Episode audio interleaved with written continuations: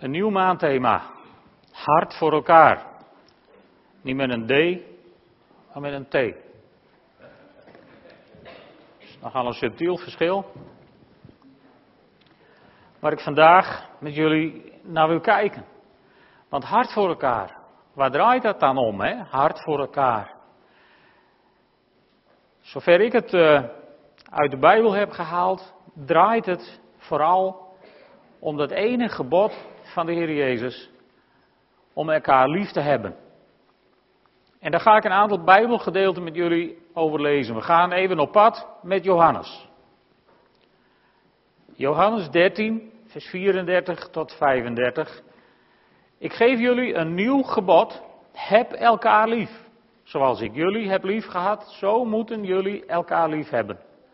Aan jullie liefde voor elkaar zal iedereen zien dat jullie mijn leerlingen zijn. En dan gaan we naar Johannes 15, vers 12 en 17. De andere versen die komen straks, geen paniek. Mijn gebod is dat jullie elkaar lief hebben zoals ik jullie heb lief gehad. Dit draag ik jullie op, heb elkaar lief. Dan gaan we naar een brief van Johannes, 1 Johannes 3, vers 23. Dit is zijn gebod, dat we geloven in de naam van zijn Zoon Jezus Christus en elkaar liefhebben zoals hij ons heeft opgedragen. En dan nog één uit 2 Johannes 1, vers 5. En nu heb ik een verzoek aan u. Houd u in de, ik houd u in deze brief geen nieuw gebod voor, maar een gebod dat ons vanaf het begin bekend is. Laten we elkaar lief hebben. Dat is hier een beetje vrijblijvend vertaald, van laten we elkaar lief hebben, maar in het Grieks is het net zo'n hard gebod dan die anderen. En dat brengt me bij het eerste woord waar je natuurlijk over struikelt als je het denkt over, over elkaar lief hebben. Hè? Het is een beetje alsof Jezus in, in dit gebod mensen bij de lurven pakt en zegt, heb elkaar lief. Nou, dat gaat helpen. Dat is bevorderlijk. Want zomer gaat er een leuk stel trouwen hier in deze gemeente. En, en, en, je moet je toch niet voorstellen dat je op zo'n trouwdienst bruid en bruidegom bij de lurven pakt en zegt: En nu draag ik jullie op, heb elkaar lief. Het zou een beetje een vreemd begin zijn, denk ik. Toch is het een gebod. Jezus zegt: Ik draag het jullie op. Maar ja, waar draagt hij ons dan precies op? Daar gaan we zo meteen naar kijken. Even een paar dingen over dit gebod. Het is dus nergens in de Bijbel een suggestie van de Heer Jezus. Van het zou misschien wel goed voor jullie zijn als jullie elkaar lief zouden hebben. Het is geen suggestie, het is een gebod. Het is een opdracht van Jezus Christus, hoogst persoonlijk. Ook niet zomaar door een mens bedacht. Jezus zegt het is een nieuw gebod. Dus vanaf, vanaf de tijd van Jezus. Maar Johannes zegt het is vanaf het begin bekend. En het allermooiste om jullie gerust te stellen, direct maar aan het begin, God maakt het mogelijk. Want in 1 Johannes 4, vers 19, daar schrijft de apostel Johannes, wij hebben lief omdat God ons het eerst heeft lief gehad. Anders zouden we het helemaal niet kunnen. Maar nu hebben we geen excuus meer, want God heeft het mogelijk gemaakt. Dus je kunt nooit meer zeggen, ja, ja, nee, nee, ik kan dit niet. Want ik heb, nee, God heeft jou het eerst lief gehad. Net zo goed jou als mij. En daarom kun je het. En daarom, ja, daarom hang je aan dit gebod. Zou ik bijna willen stellen. Maar goed, liefhebben. Wat bedoelt de Bijbel dan precies? In het Grieks zijn, zijn drie hoofdwoorden voor liefde of liefhebben te vinden. Het eerste woord is eros. Wij hebben daar onze, ons woord erotiek vandaan. Maar het is een vorm van liefde die verder gaat dan alleen maar seks. Je zou het kunnen vergelijken met verliefdheid, met een heftige emotie. Dit is dus de liefde voor iemand die je overkomt. You fall in love, zeggen ze in het Engels. Dus je, je, je, je valt hierin. En, en dan, ja, dan is het zo. Dat heb je van tevoren soms ook niet in de gaten. Je, kunt, je wordt verliefd op iemand. En ja, dan heb je dat gevoel. En deze vorm van liefde is, uh, is veel eisend, egocentrisch. Dit is die vorm van liefde waar als die niet beantwoord wordt, waar je s'nachts van wakker ligt. Waarvan mensen denken van als ik hem niet krijg, dan is het leven, de moeite niet meer waard. Dat soort liefde, die, die emotie zit hierin. Het tweede woord wat de Grieken vaak gebruikten in hun oude geschriften is het woord filia, het werkwoord filia. En dat betekent vriendschap, kameraadschap, tederheid, elkaar graag mogen houden van. Vriendschap, maar het is de vriendschap die je kiest, zeg maar. Je hebt mensen, daar heb je een klik mee, en je hebt mensen, daar heb je dat niet mee. Snap je wat ik bedoel? Dit zijn dus de vrienden die je, ja, die zoek je uit, want daar voel je je vertrouwd bij, daar heb je wat, heb je wat meer mee dan met een gewone doorsnee mens. En niet iedereen heeft dit gevoel voor dezelfde mensen. Ook niet voor dezelfde groenten. De ene is gek op spruitjes en de andere die gaat er een blok voor om. Dat soort liefde. Dus je kiest. Dit heeft met verkiezing te maken. En dan heb je dat derde woord, agape. Even te vlug. Het derde woord agape wordt ook met liefde vertaald, maar in de Griekse literatuur vind je dit woord niet. De Grieken haalden hier hun neus voorop. Dit was te gewoon, te alledaags. Wij hebben het bij agape vaak over die hele verheven liefde. Maar voor de Grieken was dit, dit was te gewoon. Dit ging over achting voor een ander, respect voor een ander, edelmoedigheid. De liefde is langmoedig, weet je nog. En ze, ze wordt niet boos en ze rekent het kwade niet toe. En, en ze, ze prompt niet en ze doet niet. De liefde doet een hele hoop dingen niet die wij mensen wel graag doen. Deze liefde althans. En die kun je terugvinden in 1 Korinthe 13. Het beroemde hoofdstuk in de Bijbel over de liefde. Nou, voor de Grieken was dit te gewoon. Maar uitgerekend dit woord heeft de Heilige Geest uitgekozen om in het Nieuwe Testament telkens weer naar voren te brengen. Agape. Het is niet opvallend, er is weinig eer mee te behalen. De verleiding tot hoogmoed is het kleinst, want je hebt hier niks te kiezen. Agape is aan iedereen gegeven, want God heeft ons het eerst lief gehad. En agape horen wij aan iedereen te geven zonder aanzien des persoons. Dus dit is de vorm waar de Heer Jezus het ook over heeft in die Bijbelgedeeltes die we hebben gelezen. En, en, en dit heeft ook niks met je gevoel te maken. Als Jezus zegt dat je je vijanden moet liefhebben, dan gebruikt hij dit woord agape. Hij gebruikt niet het woord filia. Je hoeft niet dikke vrienden met je vijanden te worden. Je hoeft ze niet sympathiek te vinden. Maar Jezus zegt, je moet je, moet je vijanden lief hebben en je moet bidden voor wie je vervolgen. Agape, liefde, die liefde, die vraagt Jezus van ons. En, en die liefde legt geen beslag op een ander, maar respecteert die ander zijn vrijheid. Agape zoekt dus duidelijk het, het geluk van de ander. En die drie liefdes, die, eh, die komen nooit in geïsoleerde vorm voor. Ze hebben eigenlijk allemaal met elkaar te maken.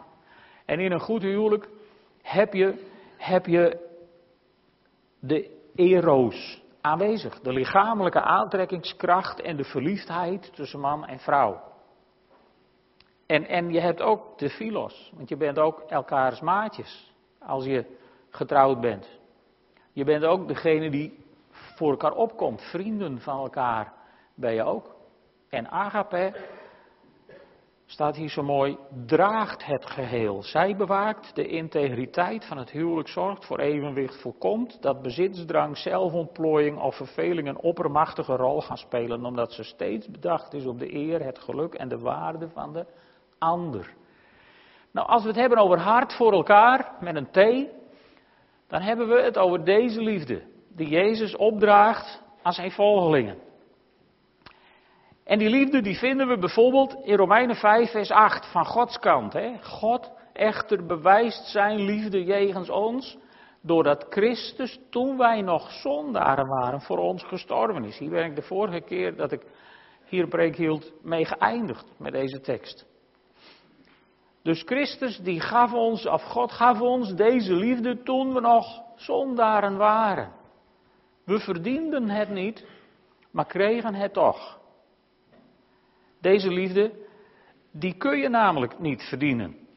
Die hoef je ook niet te verdienen. Dit krijg je, dit is genade, dit is het aanbod van God uit de hemel.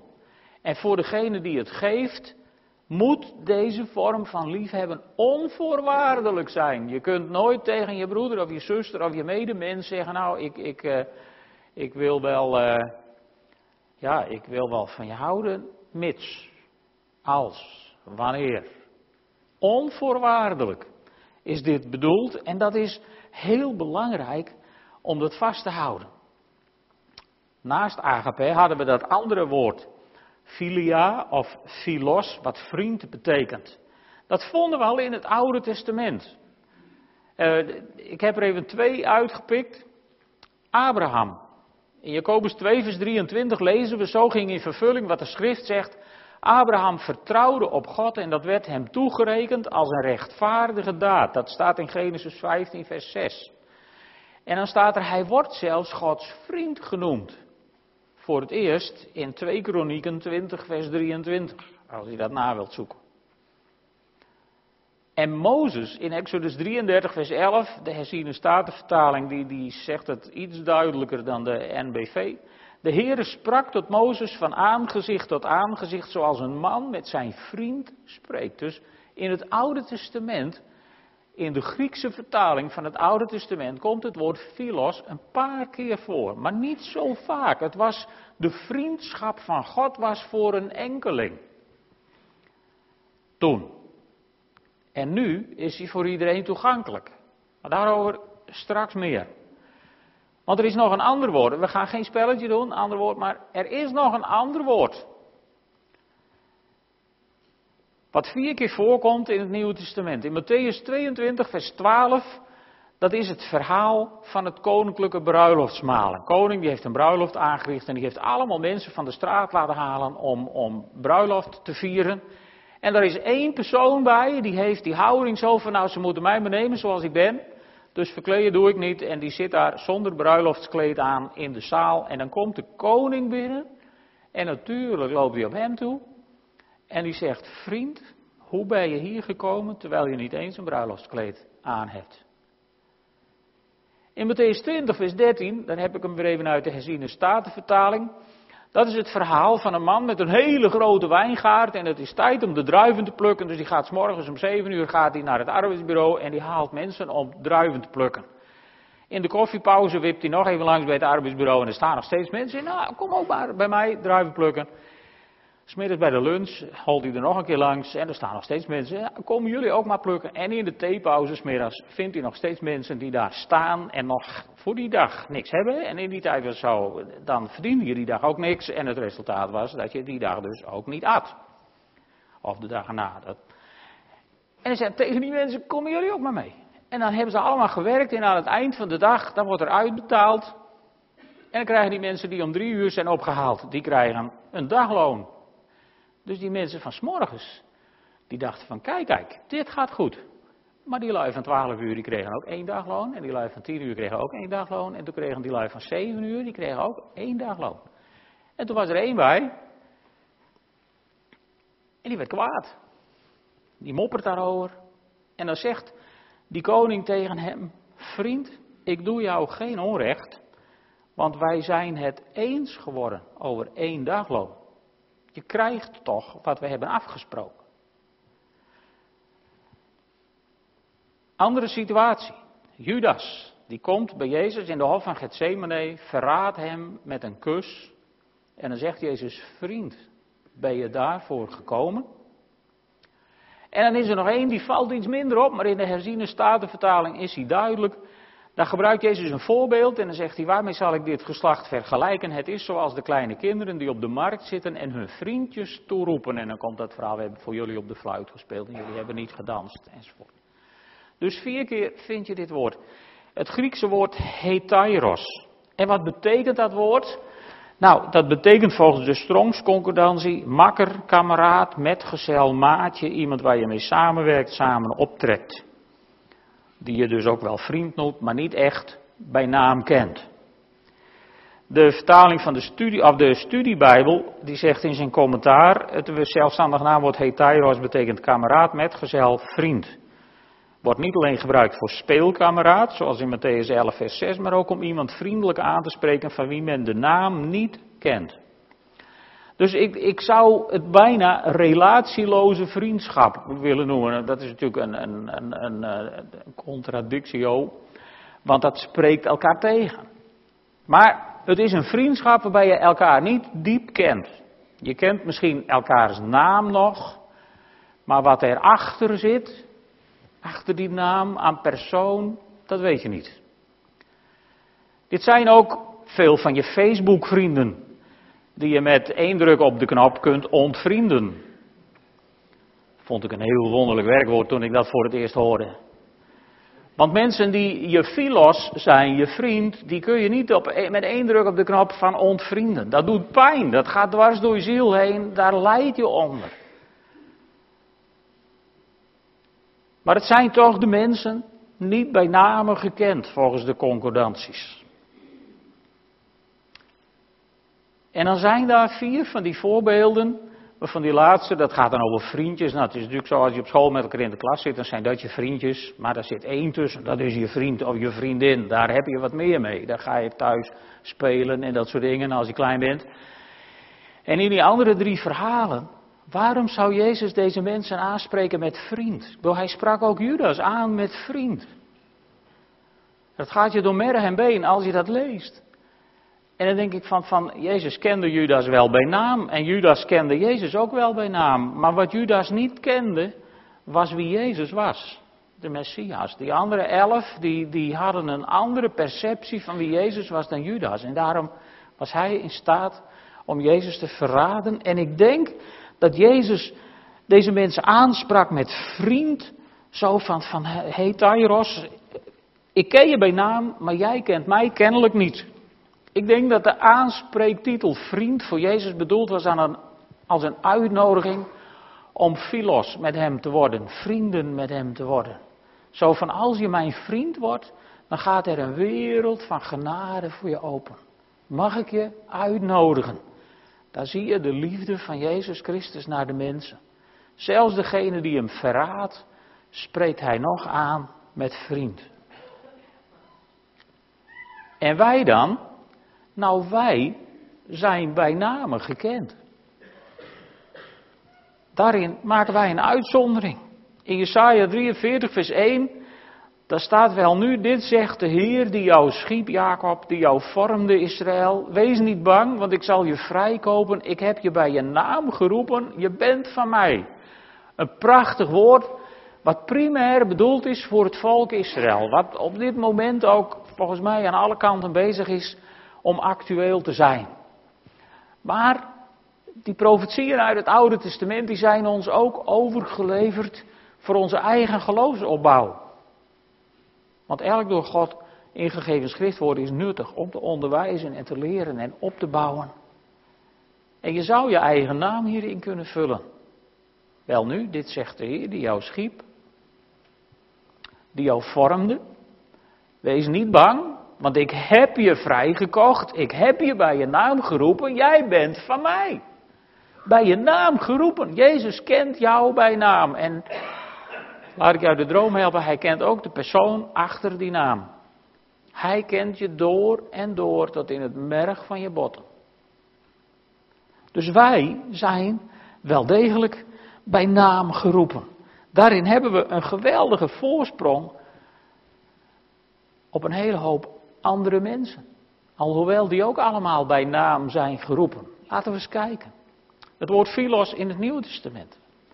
In Johannes 15, vers 14, daar zegt Jezus, jullie zijn mijn vrienden wanneer je doet wat ik zeg. Nou, dat is, uh, dat is een mooie vriendschap. Ik wil wel vriendjes met je zijn, maar dan moet je doen wat ik zeg. Zullen wij vandaag vriendjes zijn, dan spelen we wat ik wil spelen. Zo ging het Vroeger al, toen we klein waren. En, en, en, nu hebben we het over een God van genade. En die zegt, hé, hey, ik wil jouw vriend zijn, maar dan moet je wel doen wat ik zeg. In gewone wereldse taal noemen we dit manipulatie. Maar is Jezus dan een God die manipuleert? Ja, natuurlijk. Want hij werkt in ons hart om ons bereid te maken tot iets te doen. Maar manipulatie in de negatieve zin, dat is verre van het denken van Jezus. En wat het dan betekent, gaan we zo meteen even zien. Er staat nog een tekst. In vers 16, jullie hebben mij niet uitgekozen, maar ik jullie. Nou, hier heb je de uitverkiezing in de notendop. Jezus die zegt tegen de mensen op deze aarde, luister eens, jullie hebben mij niet uitgekozen, nog niet sommigen van jullie, maar ik heb jullie uitgekozen. Want toen jullie nog zondaren waren, ben ik voor jullie gestorven. Ik ben aan het kruis gegaan omdat ik jullie, omdat ik jou heb uitgekozen. En nu komt het erop aan, als jij bereid bent te doen wat ik zeg, dan geef je daarmee antwoord op mijn uitverkiezing. Uitverkiezingsleer in de notendop. Ik weet niet of Calvijn het er helemaal mee eens was, maar dit is hem, volgens mij. Als je doet wat ik zeg, als jij ja zegt tegen Jezus, dan ga je in op die uitverkiezing van Jezus. Hij heeft jou allang uitgezocht. Je hoeft nergens meer aan te voldoen, je hoeft niets meer waar te maken. Maar hoe werkt dat dan? Nou, laten we even kijken naar het vers ertussenin. Jezus zegt, jullie zijn mijn vrienden als je doet wat ik zeg. En dan zegt hij, ik noem jullie geen slaven meer, want een slaaf weet niet wat zijn meester doet. Vrienden noem ik jullie, philos, dus niet zomaar wat, philos. Dus de uitgekozen vriend, want ik heb je uitgekozen. Philos noem ik jullie omdat ik alles wat ik van de Vader heb gehoord aan jullie heb bekendgemaakt. Oh ja? Hoe dan? In zijn woord. Ja, we hebben de Bijbel als het woord van God aan ons bekendgemaakt. En als je dan ziet hoe dik de Bijbel is, zoveel houdt Jezus dus van ons. Hè? Wij zijn geen slaven meer, maar het is aan ons bekendgemaakt. En daar is een hele leuke tekst naast te leggen uit Spreuken 29, vers 19. Want wat staat daar? Je brengt een slaaf geen discipline bij met woorden. Hij begrijpt ze wel, maar stoort zich er niet aan. En dan zegt Jezus hier, maar ik noem jullie geen slaven meer. Ik geef jullie het woord. Ik vertrouw erop dat jullie je wel degelijk bezighoudt en wilt leven naar de woorden die ik jullie heb gegeven. Naar het woord wat ik jullie achterlaat. Ik vertrouw op jullie dat je leeft naar mijn woord. En daarom noem ik jullie vrienden, omdat jullie doen wat ik zeg. Dat is een beetje anders dan het woordje als. En, en ik denk, voor zover mijn Griekse kennis dat toelaat, die tussenwoordjes die zijn in het Grieks nooit zo precies op één Nederlands woord terug te voeren. En ik denk, Jezus zegt hier, jullie zijn mijn vrienden. Wanneer je doet wat ik zeg. Dat wanneer, dat geeft al een beetje zo'n grensgeval aan. Hè? Je bent mijn vriend, wanneer, daar kun je als van maken in het Nederlands. Maar je kunt er ook omdat van maken. En ik denk dat Jezus neigt naar het laatste. Als jullie doen wat ik zeg, dan zijn jullie mijn vrienden. Daarom zijn jullie mijn vrienden. Daar zie ik aan dat jullie mijn vrienden zijn. Ik zie aan de manier waarop jij mijn woord in praktijk brengt dat je mijn vriend bent. En wat is dan, een van de, wat is dan het belangrijkste eigenlijk uit dat woord? Het gebod. Heb de Heer uw God lief met heel je hart, met heel je ziel, met al je kracht en met heel je verstand. En je naaste als jezelf. En daar hebben we de agape gevonden in het grote gebod. Daar hebben we hem. Het hele woord van God is daarin samengevat. De hele Torah hadden de schriftgeleerden vroeger al door. Die vat je samen in deze woorden. Wij worden geacht, het woord van God draagt ons op. Wat Jezus ons zegt is, je moet elkaar lief hebben. En als je dat doet, dan zie ik dat je mijn vriend bent en het mooiste is, dan ziet de schepping om je heen dat jij mijn vriend bent en dat je bij mij hoort.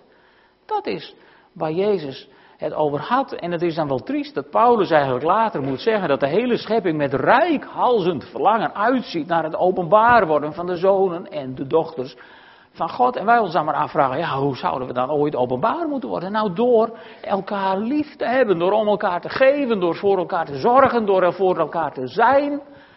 Zodat de wereld om je heen ziet van, hé, hey, ja, maar die lui van die kerk, die geven om elkaar. Die gaan anders met elkaar om dan wij.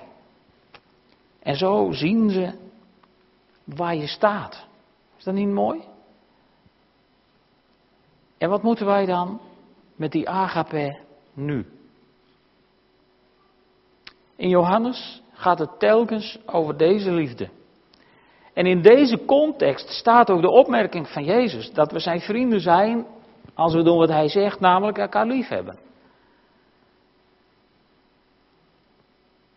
En die drie vormen van liefde die we hebben bekeken, die zijn allemaal ingebed in de aanwijzingen uit het woord van God. Het is niet alleen de agape die is ingebed in, in het woord. Ook die andere vormen. De vorm die we met eroos hebben aangeduid is duidelijk ingebed in de beschermde omgeving van het huwelijk. De vorm filia die we hebben gebruikt voor persoonlijke relaties is ook ingebed in het woord van God. Jezus noemt ons ook vrienden. En je hoeft niet met de hele wereld op dat niveau vriend te zijn. Er is ook plaats voor die andere vriendschap. Dat Griekse woord heet tyros. Je hebt je collega's op school, je hebt in een grotere gemeente broeders en zusters die je dan wel bij naam kent, maar de persoon erachter, ja, misschien wel niet zo diep. En soms kunnen mensen daar heel negatief over doen. Als er vriendschappen ontstaan in een gemeente, dan hoor je wel eens het verwijt van er zijn groepen in de gemeente. Ja, wees blij dat er groepen zijn in de gemeente. Wees blij dat er gelovigen zijn die in hun gemeente vrienden vinden waar ze hun hart eens een keer uit kunnen storten als ze er even doorzitten. Waar ze elkaar kunnen bemoedigen en waar je eens een keer iets tegen elkaar kunt zeggen wat je in zijn algemeenheid niet altijd met iedereen wil delen. Want vriendschappen binnen de gemeente is iets anders dan partijschappen binnen de gemeente, lieve mensen. Dat verwarren we wel eens. Maar als er groepen vrienden in de gemeente zijn, is daar niets mis mee. Zolang het geen partijschappen worden, groepen die elkaar uitsluiten en elkaar beschuldigen en elkaar aanklagen. Dat is partijschap en dat moet je niet hebben in de gemeente. Dat mag je niet hebben in de gemeente. En dan die agape-liefde, die is in het woord van God ingebed, die is ons bevolen om te hebben voor iedereen. De opdracht van God, heb elkaar lief. Daar kun je niet omheen. En zo is deze, deze liefde een goddelijke opdracht die we in de praktijk moeten brengen zonder onderscheid des persoons. Onvoorwaardelijk. Het lijkt een beetje op hoe het gaat in een gezin. Weet je, broers en zusters in hetzelfde gezin, die zijn niet altijd filos van elkaar. Die vechten soms als honden en katten. Maar o wee, o wee, als er een vreemdeling aan één van ons komt. Dan slaan we erop, met z'n allen. Tenminste, zo ging het vroeger. Dat mag tegenwoordig niet meer, maar als er iemand aan één van ons komt, dan zijn we ineens een eenheid. Herkennen jullie dat? Zo is het natuurlijk ook, ook in een gemeente. Je kunt in een gemeente het hardgrondig met elkaar oneens zijn en, en, en misschien best wel eens een keer zagrijnig uit de dienst komen. Dat zal best kunnen. Maar als er dan een vreemdeling wat negatiefs over je gemeente roept, dan heb je ineens toch weer dat loyaliteitsgevoel. Bij kinderen van gescheiden ouders is dat een heel groot probleem vaak. Want als de ene ouder negatief praat over de andere ouder, waar die kinderen bij zijn, ja, het zijn wel beide je ouders. En die loyaliteit verloogt zich nooit. Dat is een hele sterke kracht die zelfs bij kinderen die zijn misbruikt en mishandeld opvallend aanwezig is. En die loyaliteit, als je agape voor elkaar hebt, dan is die loyaliteit aanwezig. Oh wee, als er iemand aan een van ons komt. Ja, dan sluiten we de rijen. Oh wee, als iemand van ons ernstig ziek wordt, of een ongeluk overkomt, of, of iets, iets, ja, iets heel ingrijpends gebeurt, dan sluiten we de rijen. Dan schuiven we dichter naar elkaar, zoeken we geborgenheid en veiligheid bij elkaar. Dat is de agape liefde. Dat is wat dit bewerkt. We hebben dat ook kunnen ontdekken in de afgelopen week van gebed. Waar we zeven avonden bij elkaar zijn geweest met mensen uit verschillende kerken. En ik heb van heel veel mensen de reacties gehoord na de tijd van, van als je een avond met elkaar bidt, wat is dat bijzonder.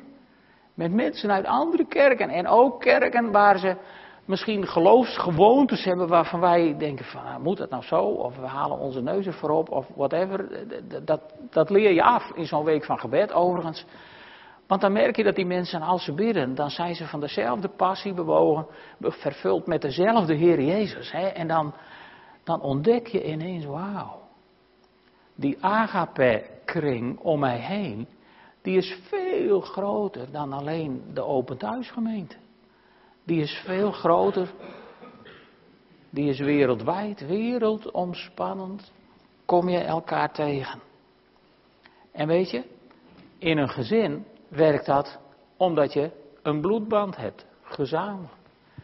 Maar ik zal jullie wat vertellen, in het koninkrijk van God hebben wij ook een bloedband, gezamenlijk. Want wij maken allemaal deel uit van dat nieuwe verbond in het bloed van de Heer Jezus. En dat willen we nu zometeen met elkaar gaan vieren.